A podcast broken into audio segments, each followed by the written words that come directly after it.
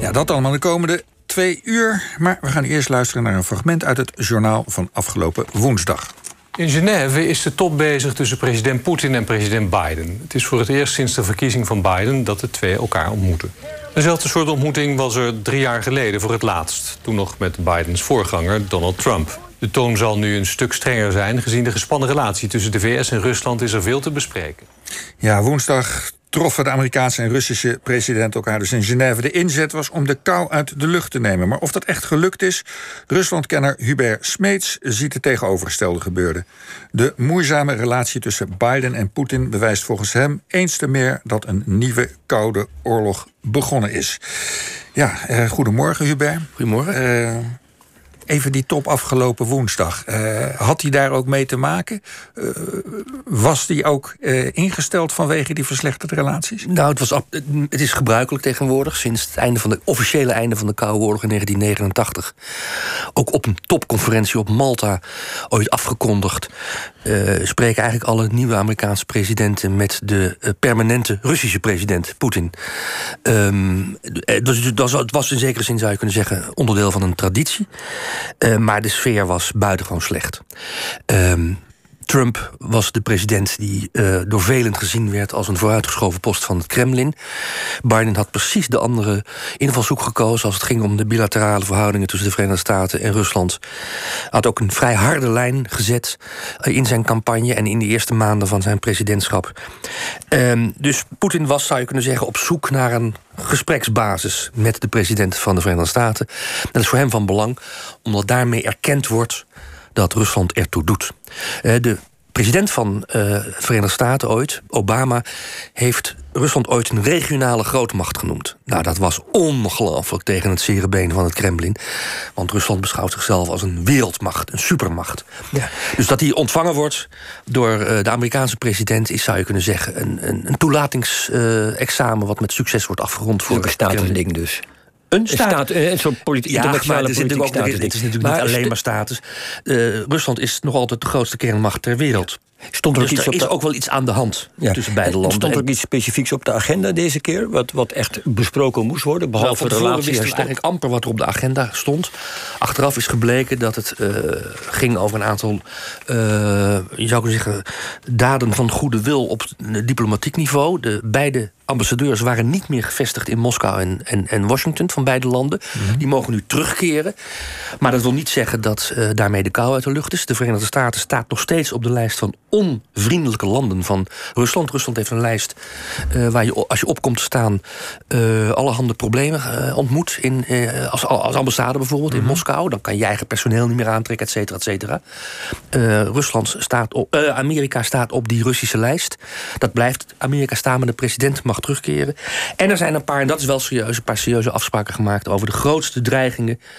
De ongelukjes in een klein hoekje, om maar zo te zeggen, op cyber- en nucleair niveau. Ja. Dat zou je kunnen zeggen is het succes van deze top. Ja, ja. maar want ze zeiden ook allebei na afloop dat de sfeer goed was geweest, hè? Ja, we kennen, we, ik was er niet was, bij. Was dat, een, was dat een praatje? Uh, uh, nou, dat zeggen ze eigenlijk altijd. Ja. Uh, en vroeger in de communistische jargon was de tekst... er werd vriendschappelijk en openhartig gesproken... was in wezen een ander, ander, een ander woord voor... er is ongelooflijke ruzie gemaakt. -hmm. um, dus dat, dat sfeergoed was zegt me niks. Ik kijk eigenlijk naar de foto's die er van gepubliceerd zijn. Die staan ook op de uh, Twitter-account van OVT.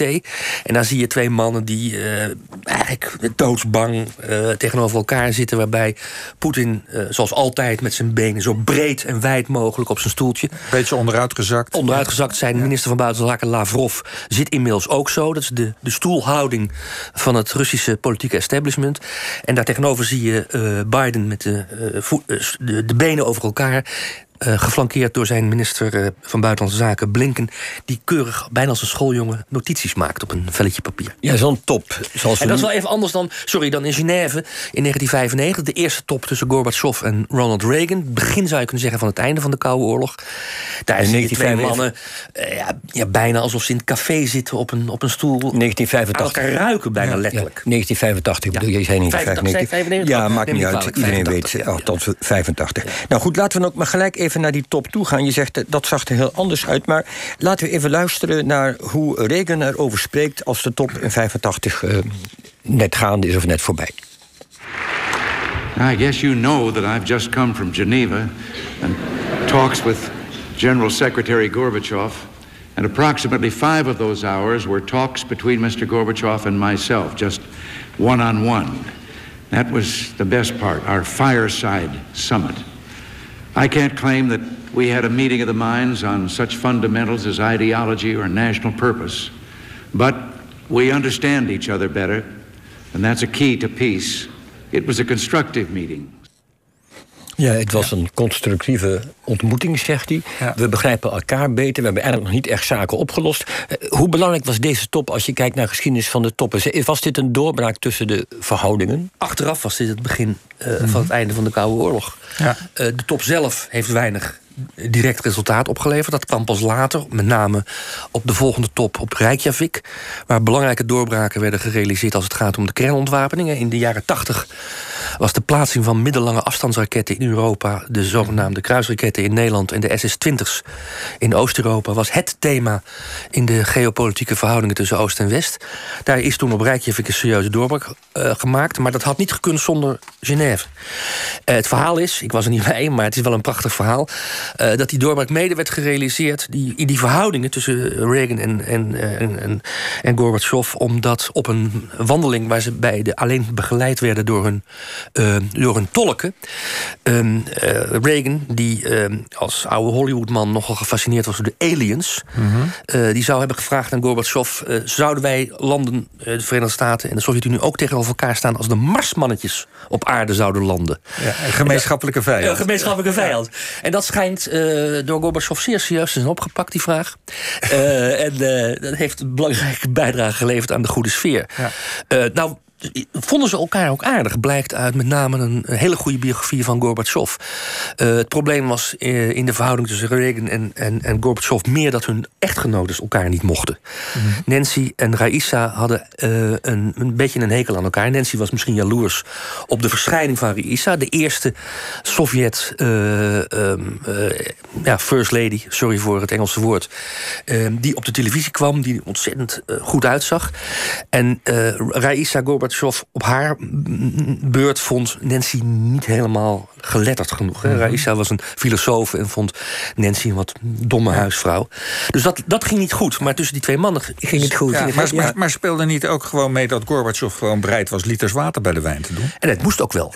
Want Gorbachev uh, kampte met een enorme crisis in zijn eigen huis. Uh, het land, de Sovjet-Unie, leed aan zoals het toen al heette, de Hollandse ziekte.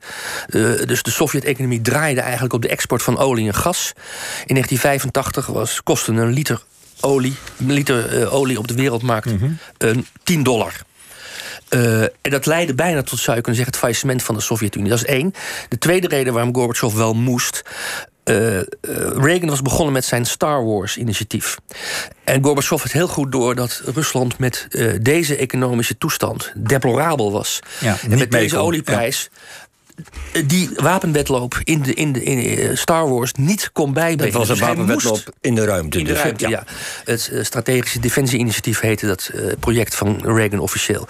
Dus hij begreep heel goed, Gorbachev, dat hij met de Sovjet-economie zoals hij dan op dat moment was, die competitie niet had kunnen bijbenen zelfs. Ja. Laat staan winnen. Ja, en een ander... Oh. Jij zegt het is nu weer sprake Jij ziet nu weer een nieuw soort Koude Oorlog aankomen, schrijf je in het NRC. Leg eens uit. Want... niet de Koude Oorlog als uh, het hoogtepunt van de Koude Oorlog. Uh, de Cubaanse raketcrisis, toen de wereld langs een nucleaire confrontatie uh, is gescheerd.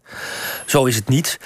Maar er zijn tal van dingen die, die je in de, in de jaren 70, 80 moeiteloos als Koude Oorlog hebben kunnen, nou, uh, ge, zeg, kunnen getypeerd. Nou, annexatie van de Krim in strijd met uh, het, uh, alle akkoorden van Helsinki, waarin de grenzen van alle verschillende Europese landen zijn gerespecteerd. de militaire interventie in Oost-Oekraïne. Oekraïne is een soeverein land, is vastgelegd in, in, een, in een conventie in Parijs. het dekken van de Belarussische, de Wit-Russische president president Lukashenko. Ehm, het, het betalen van Taliban-achtige strijders die Amerikaanse militairen in Afghanistan maar, vermoorden. Dat lijken me allemaal aanwijzingen dat de verhouding tussen de Verenigde Staten mhm. en, en, en, en, en Rusland. Maar, maar bij Koude Oorlog denk je ook aan twee wereldideologieën die elkaar bestrijden. Ja. Uh, zie je dat ook? Is daar ook sprake van dan? Nou, vertel. Uh, Want ik dacht dat het communisme toch weg was. Dat gelooft niemand meer. Dus wat, wat, wat strijdt hij dan met elkaar? zijn, Jos, maar er zijn meer ideologieën dan alleen nou, het communisme. Um, we hebben ook zoiets bijvoorbeeld als een radicaal nationalisme.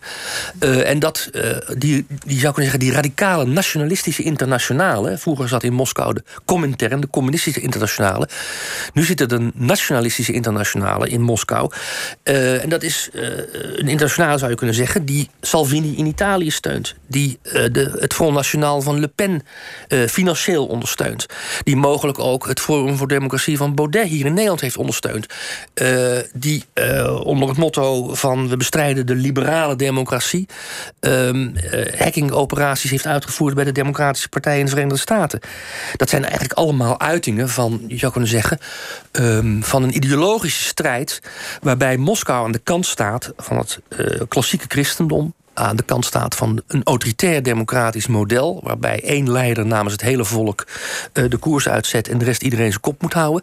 Um, en uh, die nationalistische internationale onderleiding van Poetin afficheert zich ook als het antwoord op de Europese decadentie. Maar betekent dat ook songfestivalwinnaars een baard hebben maar, maar en, en, andere dingen? Dat noemen zij allemaal als een, als, een, als een ondermijning van, de, uh, van het avondland. Betekent dat ook dat we hier echt mensen hebben rondlopen die als ware in Poetin geloven? Die Poetin als hun. In Nederland? Ja, bijvoorbeeld? Zeker.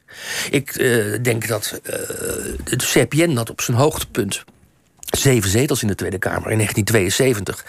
En ik denk dat de Poetinistische uh, vleugel in de Nederlandse politiek nu op 28 zetels. Uh, je rekent Baudet, de PVV.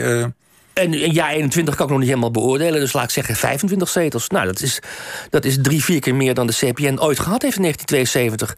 En er waren natuurlijk nog wel wat andere, je zou kunnen zeggen, fellow travelers... in de mhm. Partij van de Arbeid en de PSP. Maar op dit moment is het, is het, uh, het aantal Moskou-gezinde... Poetin-gezinde of Kremlin-gezinde, zo moet ik het zeggen...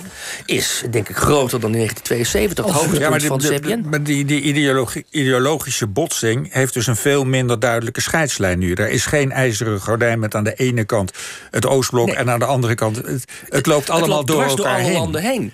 Uh, en uh, Orbán heeft dan vertegenwoordigd 50% van de Hongaarse bevolking. Dat is absoluut uitgesproken Poetinist.